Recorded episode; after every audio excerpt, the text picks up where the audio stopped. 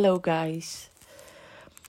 I'm just coming back from um, a surprise party for my brother because he is officially a full time copywriter now, and uh, which means he's not, he is um, doing his own business right now. And I'm so, so, so proud of him, first of all. Um, and of course, all my other family members were there as well. And I had a conversation with my sister in law. She is the girlfriend of my brother. And yeah, when we, we had a conversation about um, about the inner critic we all have. And what I see happening around me and within me as well is that we have been programmed and we have been conditioned to have an opinion about everything, to have an opinion about our own behavior, to have an opinion about what are the other people do, to have an opinion about the politics, to have an opinion about school, to have an opinion about like our minds are so busy uh, with reasoning things. And when I um, awaken spiritually wise, I see more and more that this is just a condition from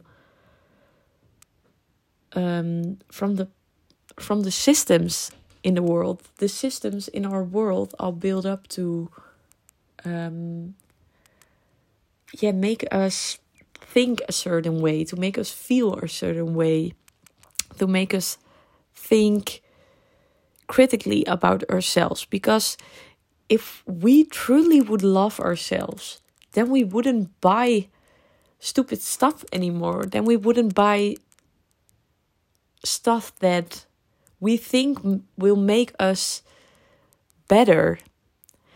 And that's why the systems are set up like that. And um, that's exactly the reason why we should love ourselves more, that we should invest time in ourselves more often.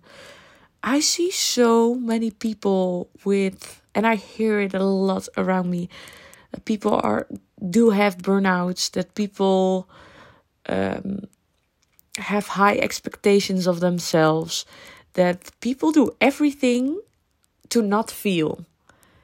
And i'm really wondering how would this world be? How would this world look like if people start feeling more if people start living from their inner source more often is people start uh, making decisions based on um, based on their passion based on their true true feelings instead of what they think the world and other people expect of them.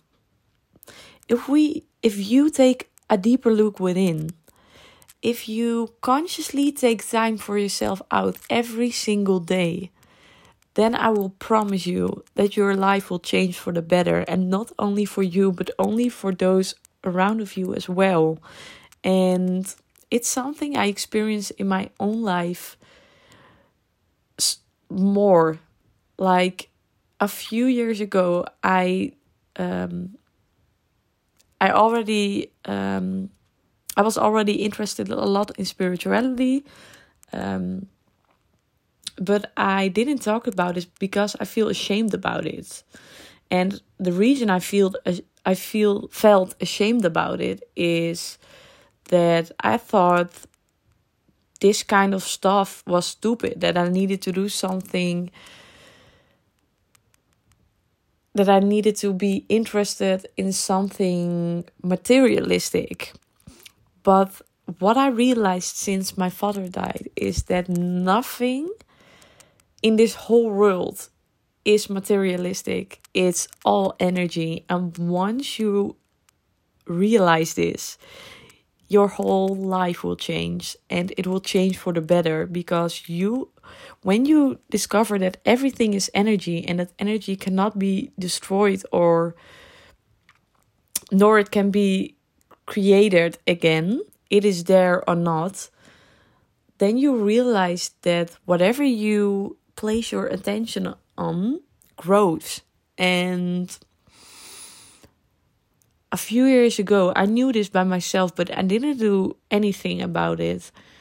And since I started prioritizing myself more often, since I started um, getting in touch with my feelings more often and getting to know myself better, I have experienced so many nice changes in my life. And those changes are, for example, that I went to Bali, and this was literally a dream of me for already a few years. And since my father died, I realized that you only have one life to live.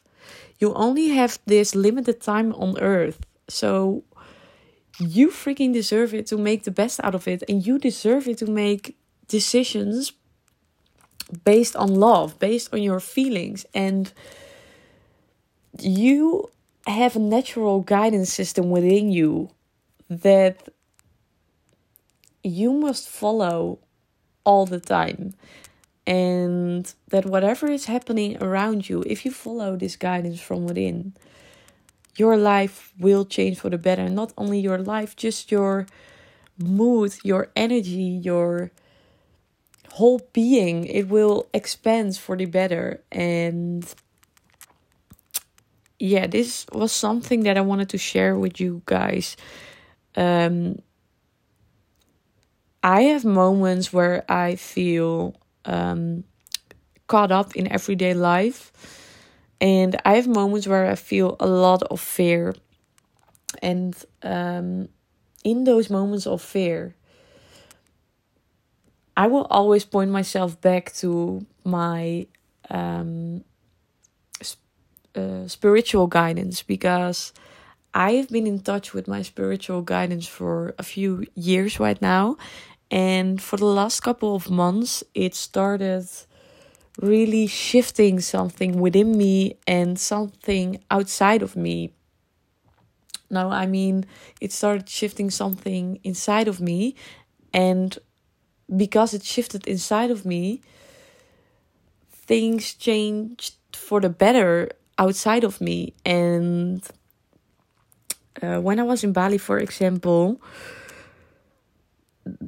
I felt so guided by higher power, and I just knew that everything I would experience there would be all right and would be I didn't had any fear that something could go wrong or you know and all those people I met there all those things I experienced were even better than I imagined before. And the people I met they were they felt like soulmates to me. And not only soulmates but people who you can truly connect with on a deeper level.